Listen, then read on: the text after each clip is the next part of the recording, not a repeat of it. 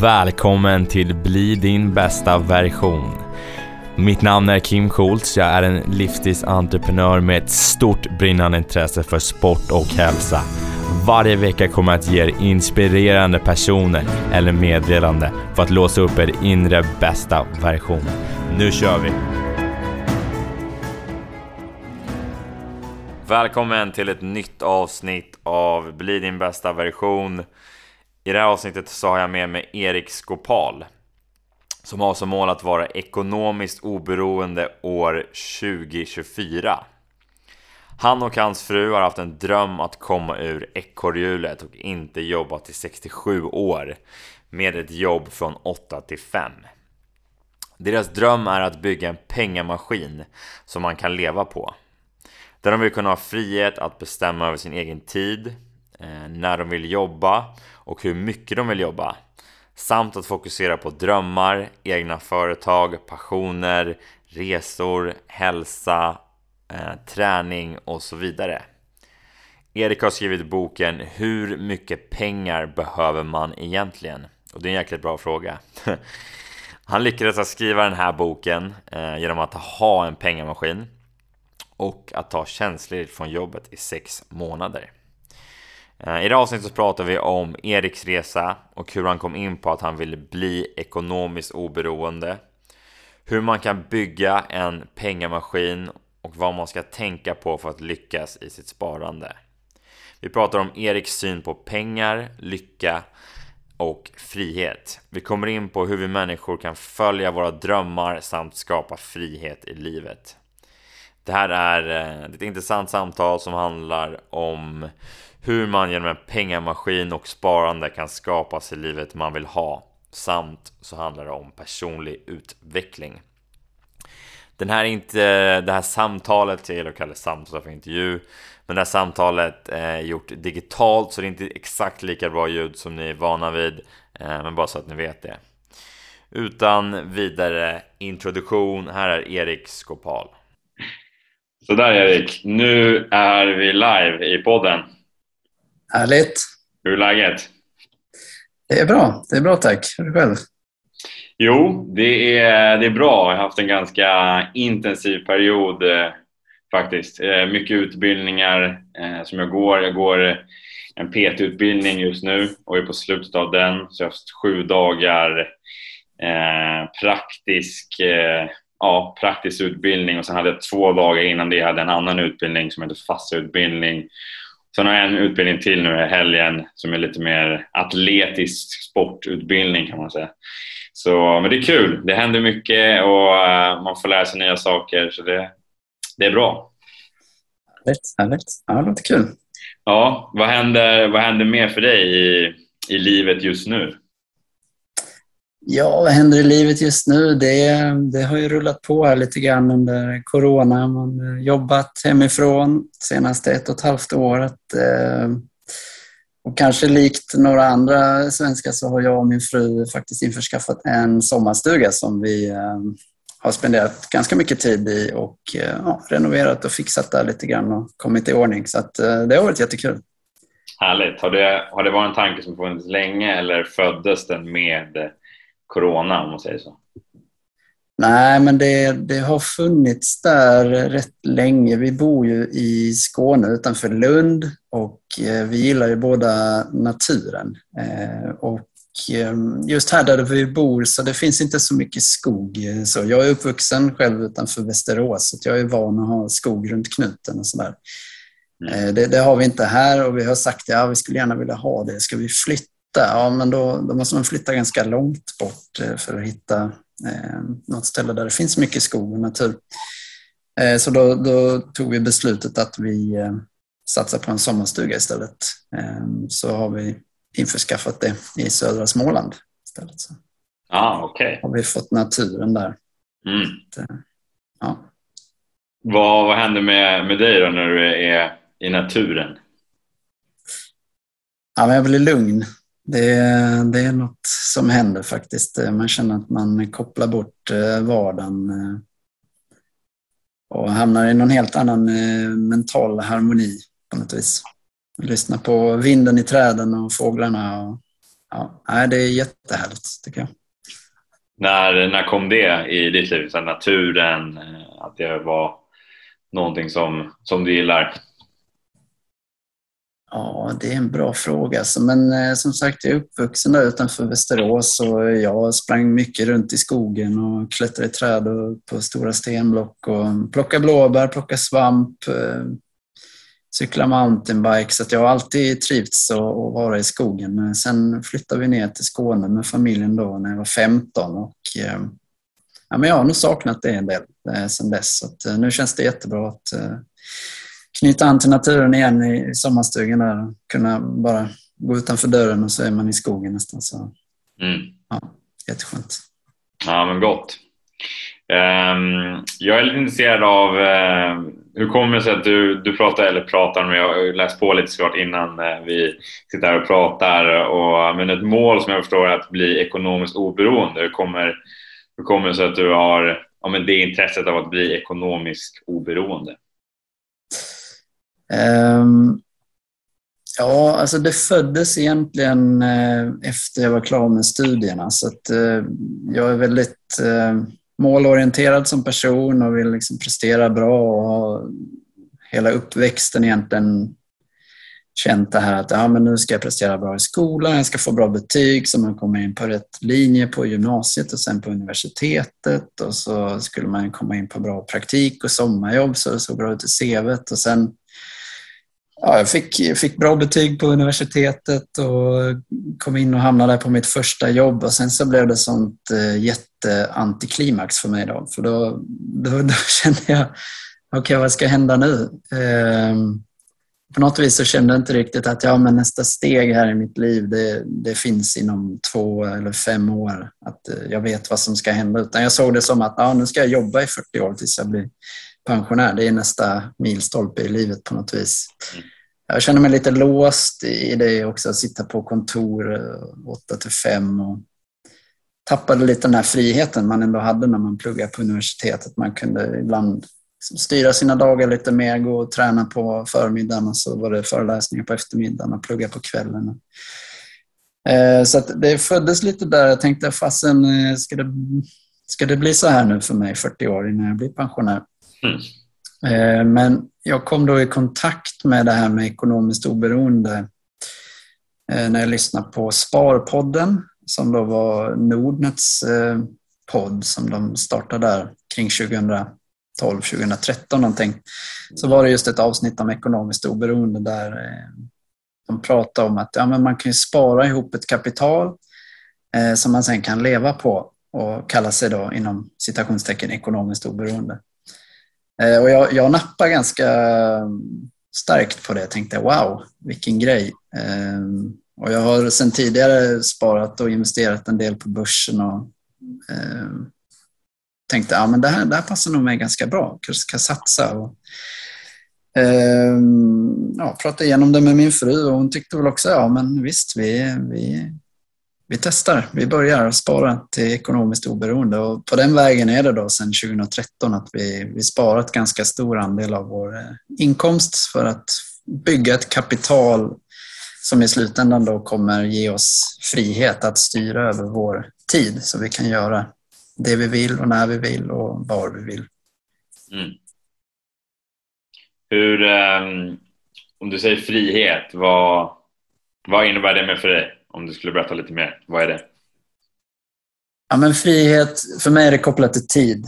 Tid för mig är den ultimata eh, valutan på något vis. Eh, och frihet då innebär att jag själv kan bestämma och styra över min egen tid, hur jag vill disponera den. Eh, så om man jämför med då att jobba så säljer jag ju min tid egentligen för att få min lön från arbetsgivaren. Ehm, men jag skulle vilja vara i ett scenario där jag inte behöver göra det om jag inte vill, utan jag, jag kanske kan välja att sälja min tid ehm, ja, fyra timmar om dagen till min arbetsgivare men de andra resten av timmarna på dagen kan jag disponera själv eh, på intressen eller ja, vad man nu vill eh, hålla på med istället. Träning och träffa familj och mm. vara i naturen till exempel. Just det. Vad tror du skulle hända om eh, fler människor skulle ha frihet? Ja, men jag tror, på något sätt tror jag att vi mår bättre av att ha mer frihet. I alla fall det är så jag ser med mig själv. Visst, alla kanske inte trivs med det. Det finns ju vissa fördelar med att gå till ett jobb. Eh, man har strukturen och man vet vad man ska göra varje dag. Ehm, risken är ju om man är helt fri och inte går till ett jobb är att du måste ju själv vara din egen chef och se till att du har någonting meningsfullt att hålla på med. För att, ehm, att bara sitta still och inte göra någonting och kalla det för frihet, eh, ja, Mm. Det är nog inte en frihet som jag vill ha utan eh, men, men jag tror ändå, de allra flesta tror jag skulle må bra av att ha mer frihet.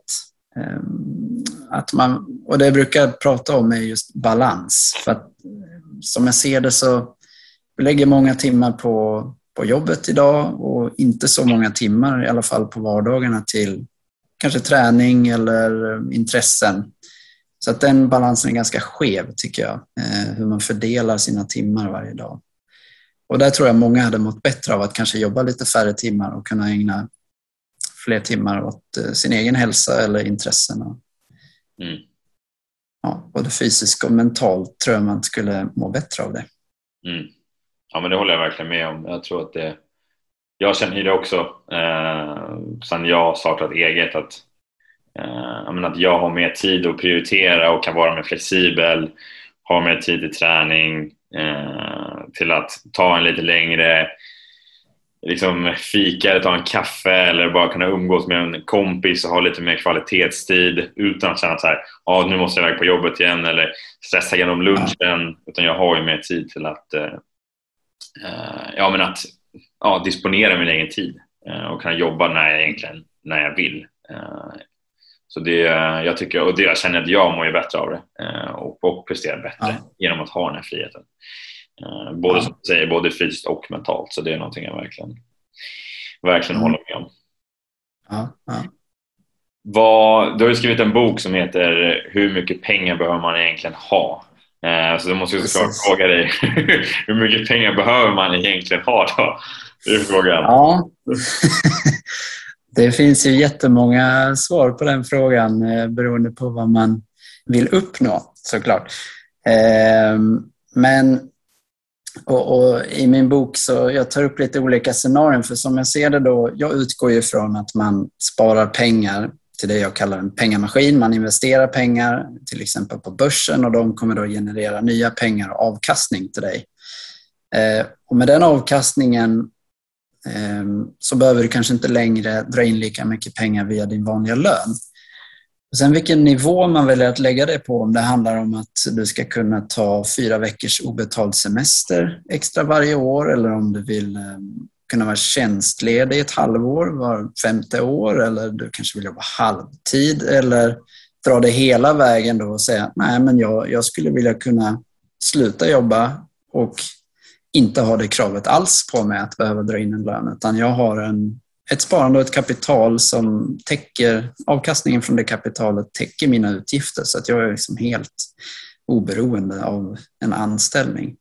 Mm. Och sen hur mycket behöver man då egentligen? Ja, det beror ju på ens utgiftsnivåer såklart och livsstil.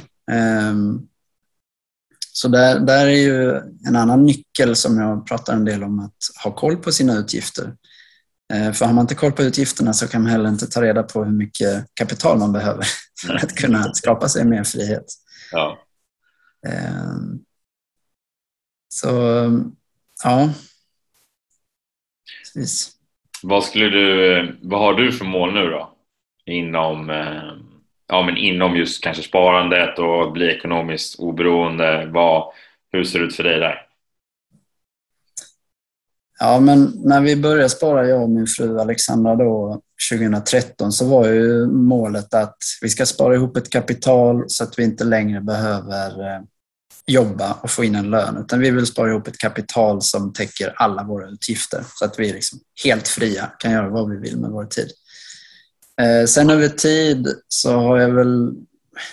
Alltså vi var tjänstlediga ett halvår 2019 och testade på lite grann att vara ja, vad ska man säga, fria och inte gå till jobbet varje dag. Och det var, alltså det var lärorikt för att jag insåg då det här att planerar man inte sina dagar eller man vet vad man vill hitta på så man blir rätt lätt passiv och hamnar i något, eh, jag vet inte, konstigt tillstånd och känner att, ah, men vad ska jag hitta på nu? Eh, I alla fall jag känner att jag behöver göra någonting meningsfullt och något vettigt av dagarna. Så då, då kom jag mer och mer in på det här med balansen. Att ja, men, rätt svar för mig kanske inte är att sluta jobba helt med en anställning. Eller, utan det kanske ska vara att jobba halvtid. Eller jag kanske startar eget som du då har gjort och, och kan liksom styra lite själv mina uppdrag och hur många timmar jag lägger per vecka. Men jag har ändå det i bakgrunden. Kanske inte behöver jobba 100 procent utan jag kanske jobbar 30, 40, 50 procent. Och sen resten av inkomsten som jag behöver, det får jag då från eh, vår pengamaskin. Mm. Så just nu är väl målet, alltså vi sparar fortfarande och siktar på att eh, nå ett kapital där vi inte behöver jobba. Men vad, vad vi kommer landa i i slutändan, det är, det är faktiskt lite öppet fortfarande. Jag tror på något vis kommer jag testa mig fram där. Mm. Se, se vad som passar bäst, helt enkelt. Just det. Meningsfullt säger du. Vad, vad är meningsfullt för dig då? Ja, men jag tycker om att eh, hjälpa andra människor. Det tycker jag är väldigt eh, meningsfullt och lite därför jag startade min blogg som jag också har då, bliekonomistoberoende.se. startade 2017 och sen har jag skrivit boken. Så jag, jag, tycker om att hjälpa andra inom privatekonomi. Det, det tycker jag det ger mig otroligt mycket energi. Mm. Um, och så meningsfullt, det är ju jag tycker om att läsa, jag tycker om att träna, jag tycker om att umgås med vänner och familj, jag tycker om att laga mat. Eh, men oftast så behöver jag liksom prestera något för att jag ska må bra mm. Eh, inombords, bra eller dåligt. Men, eh, så att jag tycker om att leverera resultat och sådär. Så att oftast vill jag ha någon typ av projekt igång där man liksom, ja, utmanar sig själv lite grann och försöker sträva framåt och, och bli en bättre person hela tiden. Mm.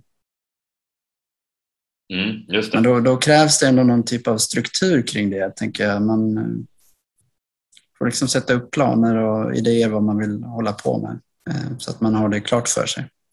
Just det. Så någon typ av vision eller mål någonstans där för att, för att faktiskt förverkliga det också. Mm, mm, precis. Just det. Om vi liksom snackar lite sparande då. Eh, vad tänker du där? Är det något tips som du kan, kan ge till de som lyssnar? Vad, vad, vad ska man tänka på där? Ja, men eh, är man ovan sparare eller att man inte sparar sedan tidigare så tycker jag absolut att man ska börja spara till att börja med eh, för sin framtid. Och det enklaste är ju att spara i fonder tycker jag. Mm.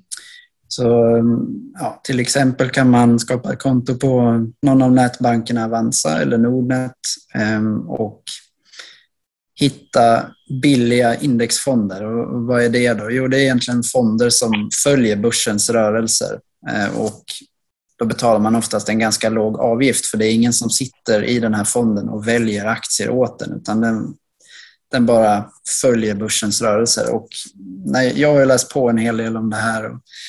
Läst böcker och vetenskapliga artiklar och där det visar sig att det är egentligen det bästa för oss småsparare att köpa de här fonderna som följer index.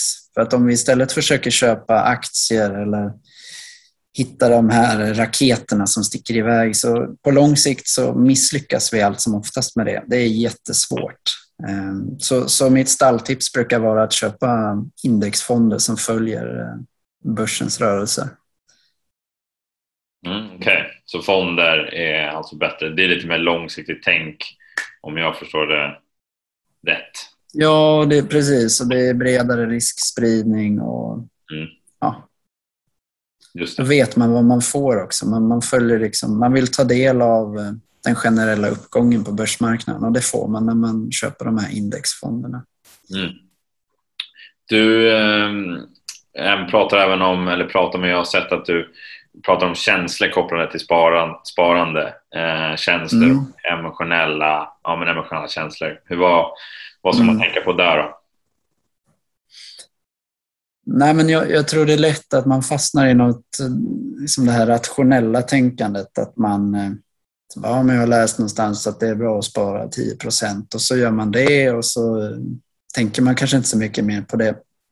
Men jag tycker man ska koppla på känsloplanet där. Att, ja, men varför sparar jag och till vad? Och vad är syftet med mitt sparande? Kan jag sätta upp en eh, vision board eller någon annan typ av motivation eller koppla på någonting till eh, sparandet? Att ja, men mitt mål är faktiskt att uppnå ekonomiskt oberoende för mig eh, då. Eller man kanske sparar för att kunna ta de här extra fyra veckorna semester varje år. Ja, men då kanske man koppla på det så att man känner varje månad man sätter in månadsspar så tänker man yes, jag är ett steg närmare mitt mål här så att man, man känner anknytning till, eh, till sparandet. Eh, för jag tror det blir mycket roligare då också. Man blir mer motiverad att kanske ja, men se över sina utgifter och tänka igenom, ja, men är det värt att lägga de här pengarna på det ena eller det andra? Eller ska jag kanske spara det så att jag kan nå det här målet jag har istället eh, lite snabbare?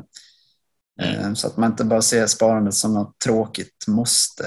Eh, för jag, jag, tror det är lätt att man hamnar där om man inte är intresserad av pengar, men om man kan koppla på det till något i ens egen verklighet så tror jag absolut man kan få mer glädje av sparandet på något vis. Vad, vad är pengar för dig då?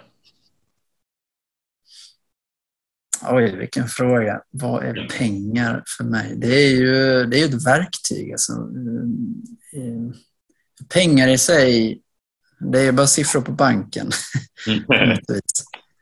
eh, och man, även om man har massa pengar på banken så behöver det inte betyda att man är lycklig utan man kan kanske till och med vara olycklig trots att man har mycket pengar. Så att pengar i sig eh, kanske inte ger så mycket men det är ett verktyg att skapa någonting med. Så har man pengar så kan man ju till exempel uppnå det här med ekonomiskt oberoende. Man kan, med pengar kan man eh, ja, uppfylla drömmar. Man kanske har drömt om att köpa någon sommarstuga eller man har drömt om att eh, göra någon resa. Eller, så att för mig är pengar det är ett verktyg att eh, använda för att ja, få ett bättre liv helt enkelt. Vad lycka nämner du där. Vad, vad, är, vad är lycka för någonting då för dig? Vad innebär det? Um, ja, det är ju en jättesvår fråga. Men jag, jag, jag tycker lycka är ju när man har harmoni i, i livet på något vis. Eh, när man mår bra, man känner att man eh, liksom är i kontroll över sitt liv, man, man kan göra det man vill man har bra relationer och ja, då känner jag mig i alla fall lycklig. Men eh, ja, det, det, är, en, det är en klurig fråga. Ja. Eh, vad brukar du, om du tänker på lycka, vad brukar du göra när du är lycklig? Vad, när du känner okej okay, nu känner jag någonstans lycka eller någonting, av, vad gör du då? Ja, men det kan vara kopplat till sånt här att hjälpa andra då. Om man har coachat någon inom privatekonomi, man känner att man verkligen gjort skillnad, då, då kan jag inombords känna verkligen glädje och lycka kring det. Eh, det kan också vara liksom att man umgås med familj och vänner, att man har gjort något kul tillsammans. Det också känns som det är väldigt bidrar till ens lycka. Eh, men, men på något sätt så, om man ska koppla det till något konkret eller som jag har läst om och tycker är väldigt tänkvärt så är det ju att lyckan finns alltid här. Man måste bara hitta den på något sätt. Um, ibland så blir det lätt att vi, vi tittar någon annanstans för att hitta lyckan. Gräset är ju alltid grönare på andra sidan. Mm. Man tänker jag måste, jag måste ha ett annat hus, jag måste ha ett annat jobb, jag måste ha en annan bil. Då kommer jag bli lycklig.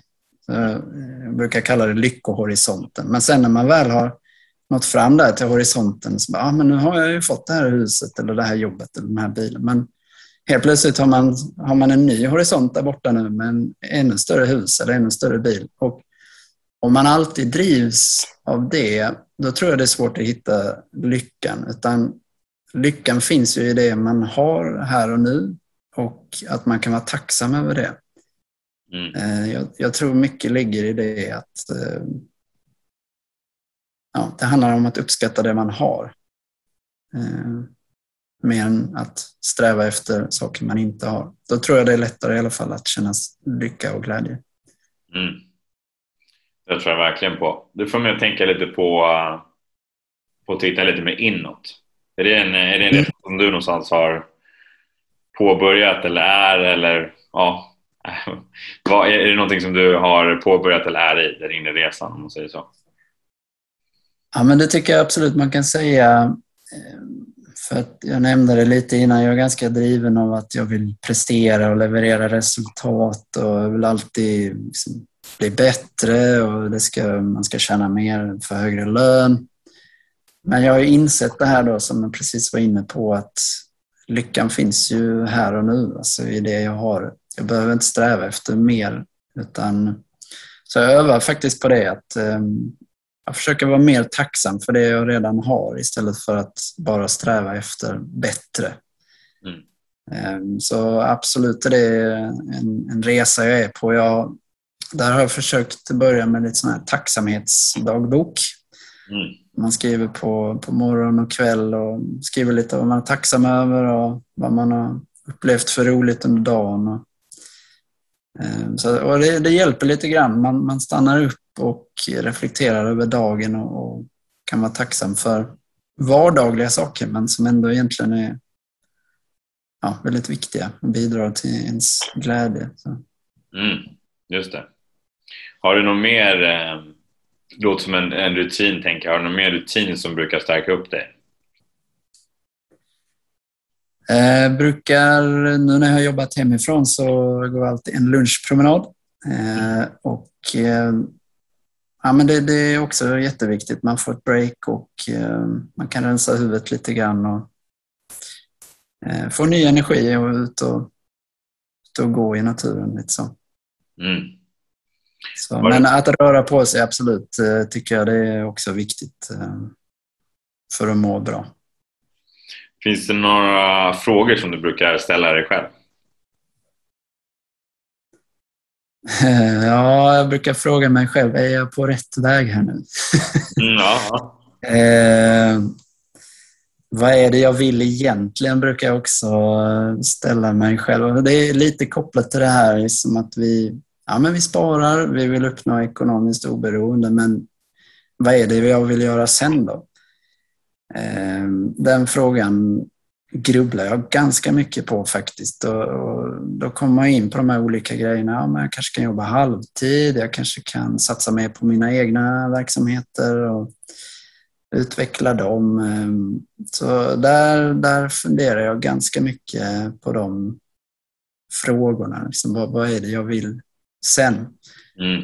Att det, det, det är jag lite rädd, rädd för. Men så som mitt liv har varit tidigare så, så har jag alltid haft mål och jag ska uppnå det ena och det andra. Och eh, när jag väl har uppnått det här målet, ekonomiskt oberoende, vad, vad, eh, hur kommer jag känna då? Inombords, kommer jag kunna landa i det?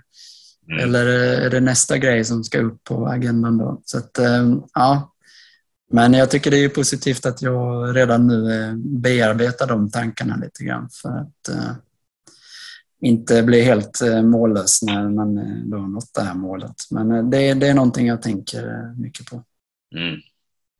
Vad, hur ser drömmen ut då? Ja, men drömmen är ju det är ett liv där jag styr över tiden. Jag, jag har dagar där jag får syssla med och jobba med de här frågorna som jag brinner för med privatekonomi och hjälpa andra människor och komma igång med sparande och liksom komma på banan kanske till och med om de har det tufft ekonomiskt. Eh, blanda det med träning och eh, ja, mycket tid i naturen. Jag gillar fotografering. Där hade jag velat liksom fördjupa mig inom andra intressen som är träning och, och matlagning som jag jättegärna skulle vilja utveckla mer och lära mig mer om. Så att, eh, eh, ständigt lärande är väl eh, ja, någonting som jag tror jag kommer bygga vidare på, eller vill bygga vidare på, eh, när jag har mer tid i vardagen. Så. Mm. Hur tror du att vi människor kan nå våra drömmar då? Um, ja, men det första steget är att man vågar drömma. Mm. ja, exakt. Så att man, man har någon dröm, man tänker att ja, men, eh, det här skulle jag vilja uppnå eller det här vill jag ha. Eh, men sen tror jag jag tror ju mycket på det här med att man, eh, man får bryta ner sina drömmar i mindre delmål kanske. Oavsett vad det handlar om, men att man, så att det inte känns helt oövervinnligt och man tänker nej, det är, det är inget som kommer fungera eller bli något för mig. Utan man, ja, men man har en dröm. Hur, hur kan man ta små steg mot att nå den här drömmen? Hur kan man eh, hela tiden röra sig i rätt riktning? Så tror jag att man eh, förhoppningsvis känner motivation kring det. Att ja, men om jag gör det här så kommer jag ett steg närmare och jag kan gå den här kursen eller jag kan åka på den här resan. Eller, eh, läsa den här boken eller träffa den här personen. Och, ja, hela tiden vara var på en resa mot det här målet och drömmen. Då. Och sen tror jag faktiskt att eh, visst, man kan ha en dröm och ett mål, men ofta är resan den stora grejen. Alltså mm. för att det är lite det jag säger, när jag väl når fram till mitt mål så jag vet jag inte vad som händer. Utan det som händer i mig nu under den här resan är ju minst lika intressant och, och kul. Så att, eh, jag tror bara om man är på den här resan mot sin dröm, då, då tror jag att man gör något bra. Mm. Tror du det är viktigt att vi har drömmar då? Ja, det tror jag. Jag tror man lever ett eh, roligare och gladare liv då. Man vågar liksom tänka på något större än vad man har idag och sträva mot det och kanske utmana sig själv lite grann. Eh, det, det, tror jag absolut. Mm. Du tror ändå att det kan vara bra för människor att ha någonting att sträva mot eller eh, någonting att drömma emot? Ja, det tror jag. Jag tror för att det vet vi alla, vi har ju säkert tuffare stunder i livet ibland och då kan det vara bra att ha någon, någon dröm eller någonting som man har som kan driva en framåt ändå. Man kan ja, se det som lite motivation att man vill fortsätta jobba mot de här drömmarna och målen man har. Mm. Har du någon sån eh, själv erfarenhet, en tuffare tid som du har tagit dig förbi? Eh, Ja, det har jag nog. Min, min mamma gick bort 2012 eh, och det var ju klart tufft och jättetråkigt men eh, alltså jag tror, eh, och för att inte fastna i det, det är klart man, man går igenom en sorg och man, man sörjer så, men för att ta sig vidare så man vill ju liksom fortsätta leva sitt liv och, och uppfylla de drömmar och, och mål man har. Så där tror jag absolut att det, det kunde få mig att jobba vidare och sträva vidare, att jag hade drömmar och mål där och då. Mm. Eh, annars, ja, nej men det, det, tror jag. Hur, eh, hur hanterade du det då när du var mitt, mitt i det, tänker jag? Ja, eh, alltså på ett sätt så, så eh, kanske man inte ville tänka så mycket på det. Man bara fortsatte och eh, kämpade på i, i vardagen. Så, men eh, eh, samtidigt så och det kanske, ja men det var ju ändå bra på något vis att man kunde fortsätta leva sitt liv och sträva mot eh, de, de målen man hade. Eh, men eh, ja, jag vet inte riktigt om jag har några mer eh, insikter från den tiden. Jag har inte reflekterat över det faktiskt så mycket. Men, eh, ja. Mm. Känner du att du eh, kan gå någonstans starkt ur idag? Att så här, men det finns, det finns en, någonstans en lärdom, eller om du förstår vad jag menar, som har gjort dig kanske starkare idag av att gå igenom den. Jag tänker att det kan, måste, är väl en av de tuffa grejerna man kan gå igenom i livet, tänker jag. Har du någonting? Jo, men absolut. Ehm. Ja, vad, vad, vad är lärdomen? Det är ju det är ju jättetufft såklart och, och jobbigt. Va? Men eh, jag tror lärdomen är att det är okej okay, att eh, det är jobbigt ibland eh, och man kan vara ledsen och det är helt okej. Okay.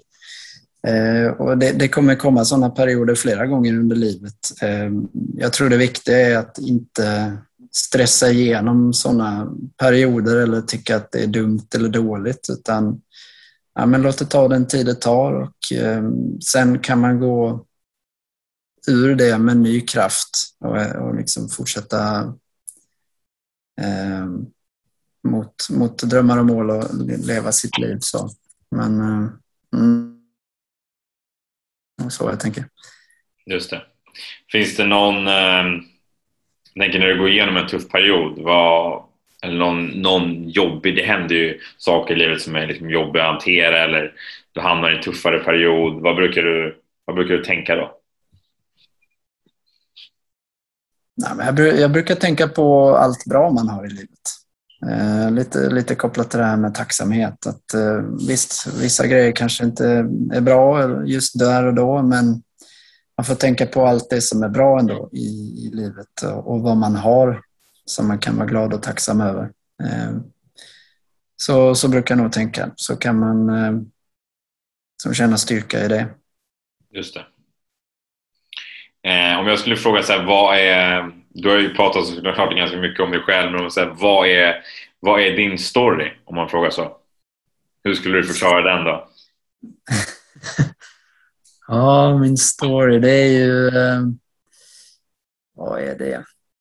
Ja, men jag, det är ju, jag har gått igenom skolan väldigt eh, ambitiöst. Och min story är att jag är väldigt noggrann, ambitiös, eh, vill alltid prestera på topp eh, nästan lite perfektionistiskt. Så. Eh, och sen är, vände min story där egentligen då eh, när jag kom ut i arbetslivet när jag inser att oj då, men eh, nu har jag kämpat så här jättehårt hela livet fram till det här men eh, ja, var det det jag ville? Eh, och då vände storyn lite grann och jag är mer nu inne på på det här med frihet och, och liksom kunna styra över min tid, skapa mitt eget liv, inte vara beroende av eh, anställning och eh, försöka inspirera andra att eh, få upp ögonen för det här, att det finns möjligheter att skapa sig mer frihet genom sparande. Eh, sen har ju ett ledord egentligen ända sedan ja, unga tonåren varit pengar och, och investeringar för mig. Min eh, morfar lärde mig att komma in i och köpa aktier och vi satt och kollade text-tv när jag var där och besökte dem på somrarna och kollade börskurser och ekonominytt och sådär. Så, så jag har alltid tyckt det har varit kul att tjäna pengar och investera och se att det växer och sådär. Det, ja, det har jag gått igång på under hela, hela livet eh, mm. och fortfarande också. Tycker det är kul med pengar och investeringar. Just det. Så det var där egentligen det, det kom någonstans? Från, från morfar då kanske, eller? Ja, i alla fall det här med att eh, få upp ögonen för börsen, att man kan tjäna pengar där. Eh, just det här med att tjäna pengar, jag vet inte varför, men det har alltid varit någonting som lockat. Eh, jag sålde jultidningar när jag var liten för att tjäna pengar och det var ju så häftigt. Man kollade de olika tabellerna där när man hade uppnått vad han sålt för 1353 kronor. Då upp i nästa kategori, då kommer jag få så här mycket premie. Det var jättehäftigt att tjäna pengar på något vis. Mm. Eh, så då min morfar introducerade mig till börsen och där kunde man också tjäna stora pengar. Då. Det höll jag på med på ja, kanske främst gymnasiet då och köpte och sålde aktier och höll på. Experimenterade, gjorde förluster och vinster men eh, mm. ja, vad lärde du dig då? Blivit, ja, ja, men det har lärt mig att det är oerhört svårt att... Eh, vad ska jag säga? Det är inte svårt att bli rik på aktier, men det är svårt att eh, liksom veta vilka aktier man ska köpa. Det var nog det jag lärde mig, för att jag tyckte att jag var jätteduktig och eh, och följde råd okritiskt och köpte aktier som jag sen förlorade pengar på och tänkte oj då, vad gjorde jag för fel här? Mm. Eh, så att insikten är väl att det är jättesvårt att välja rätt aktier och tjäna pengar på dem. Att det är, det är snarare bättre att försöka vara mer passiv i sin strategi och köpa fonder och låta andra göra jobbet. Så. Mm.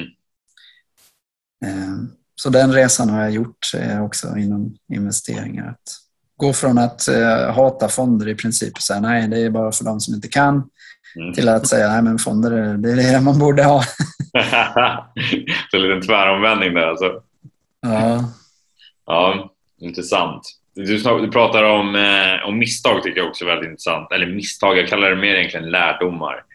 Eh, för det är också där man blir bättre, det är där man utvecklar sig själv, det är där man får tänka och reflektera och så här, okej, okay, nu gjorde jag det här och det ledde till det här och så kanske jag måste förändra mig någonstans idag. Eh, eller förändra mig, ja, när det nu är.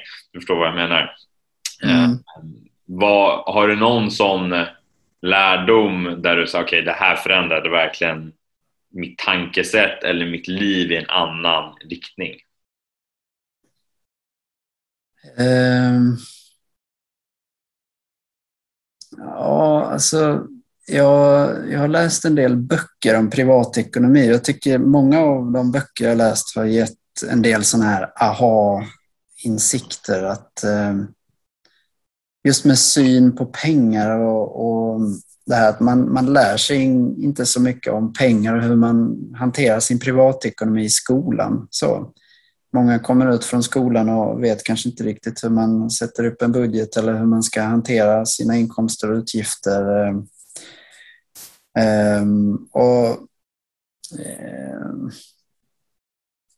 Ja, men, och det har jag läst och det finns en bok som heter Rich Dad Poor Dad av eh, Robert Kiyosaki heter han. Och eh, där pratar han då om sin eh, Poor Dad som är hans riktiga pappa då som är lärare och som försöker uppfostra Robert att nej men rätt väg att gå är att studera jättehårt och få bra betyg och sen komma ut i skolan och få ett eh, tryggt och välavlönat eh, jobb.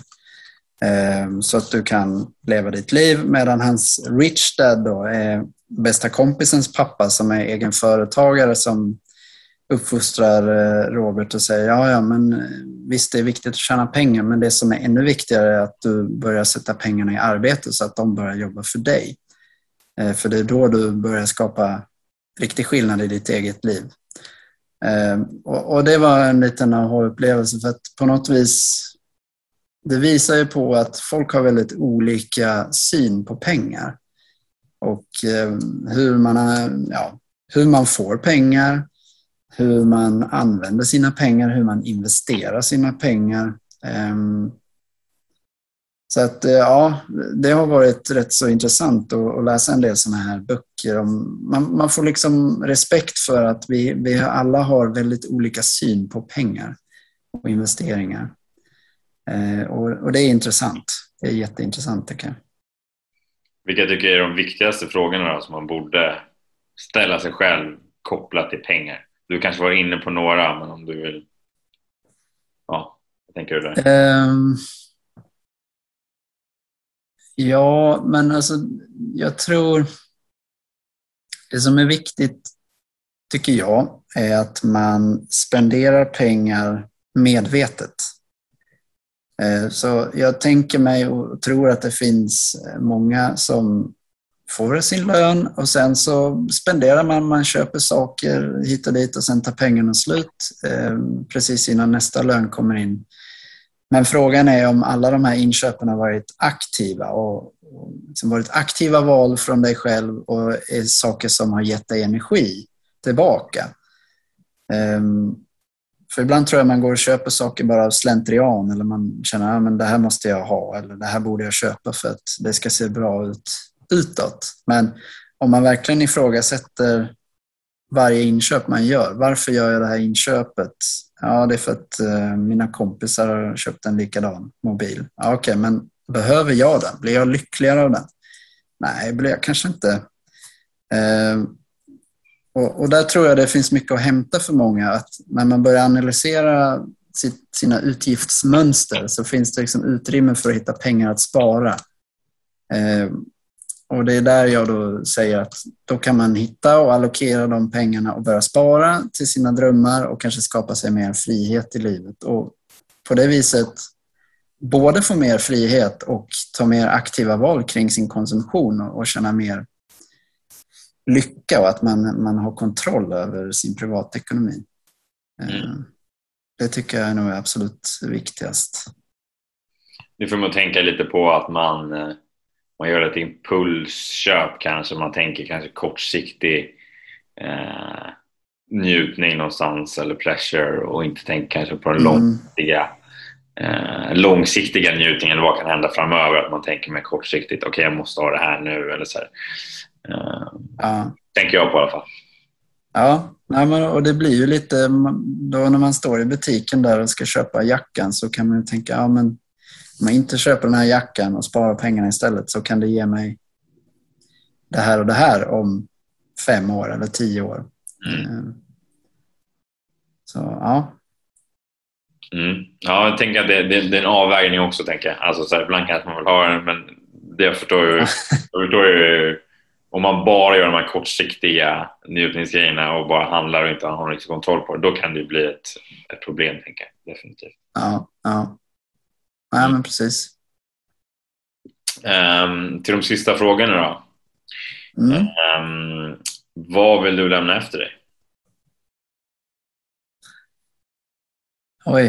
Eh, nej, men jag vill lämna efter mig en värld där fler som känner att de har mer kontroll över sin privatekonomi. Det är absolut någonting som jag strävar efter både med blogg och bok och lite privatekonomi-coaching som jag kör. Att jag, jag vill att människor ska kunna leva ett så bra liv som möjligt och det tror jag man kan få hjälp av om man har eh, kontroll över sin ekonomi. Eh, så det vill jag absolut eh, lämna efter mig.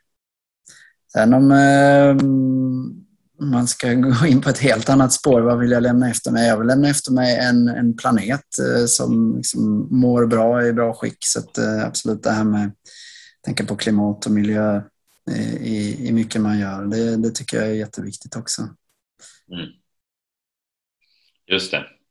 Um, ja, intressant. Fint. Um, jag tänker till sista frågan då. Uh, hur tror du att man lever ett bra liv? Um,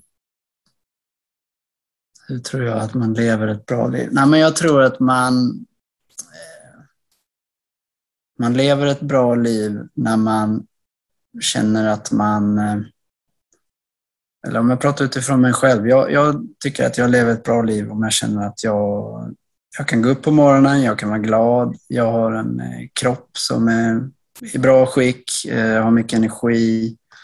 Eh, jag kan göra de saker jag vill göra. Ehm, ja. Ja, där har vi det. fråga, men... ja, jag vet. Det behöver inte vara, jag tycker det var bra. Det, var, det höll ja. enkelt, det höll kort. Det behöver inte vara mer än, behöver inte vara mer än så. Om man, om man vill eh, köpa din bok, var hittar man, eh, var hittar man den då?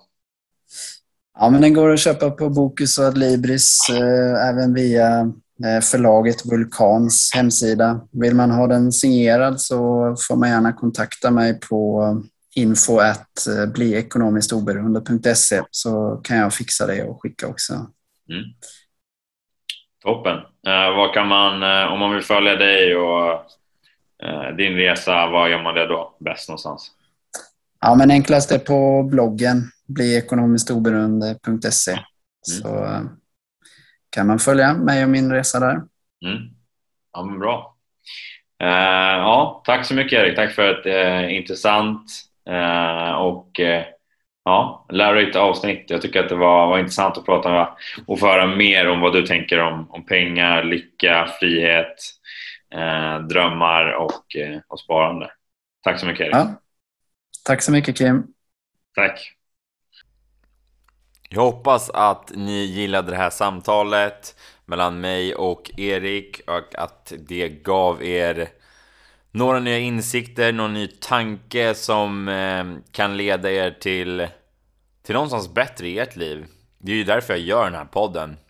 För att jag vill inspirera er att bli bättre inom något område i ert liv. Att ni får någon tanke som ni gör någon typ av förändring. Det kanske inte sker just imorgon, men det kanske sker om en månad, det kanske sker om ett år. Vad vet jag? Men eh, jag tycker att det blev ett väldigt intressant samtal. Eh, där, ja, men där vi pratar om egentligen, vi kommer in på Eriks historia, eh, vi kommer in på um, hur han tänker kring pengar, kring lycka, kring frihet och att genom att eh, han vill skapa frihet i sitt liv och eh, verktyget är någonstans att skapa den här pengamaskinen som han kallar det. Att, eh, ja, att spara pengar och att eh, ha koll på sina kostnader och därigenom så kan man egentligen ja, genom att eh, ja, skapa sig det livet som man vill ha.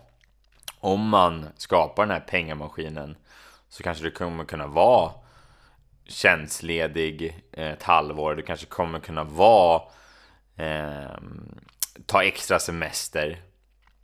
Kanske istället för fyra veckor kan du ta sju eller sex veckor. Eller så kan du, ja, du kanske kan jobba 50% till och med. Eller du kanske har tid att starta det egna företaget. Möjligheterna är ju egentligen, ja, det är du själv som bestämmer vilka möjligheter som du, som du vill ha egentligen i, i livet. Eh, så jag tycker det var väldigt intressant. Berätta jättegärna både till mig och Erik vad ni tyckte om det här samtalet. Eh, ni vet som sagt var ni hittar mig och det är bara att höra av er. Och eh, kom med feedback, vad tyckte ni var bra, vad kan jag göra bättre? Eh, vad tar ni med er från det avsnittet? Och med, med Erik så når ni honom bäst på hans blogg.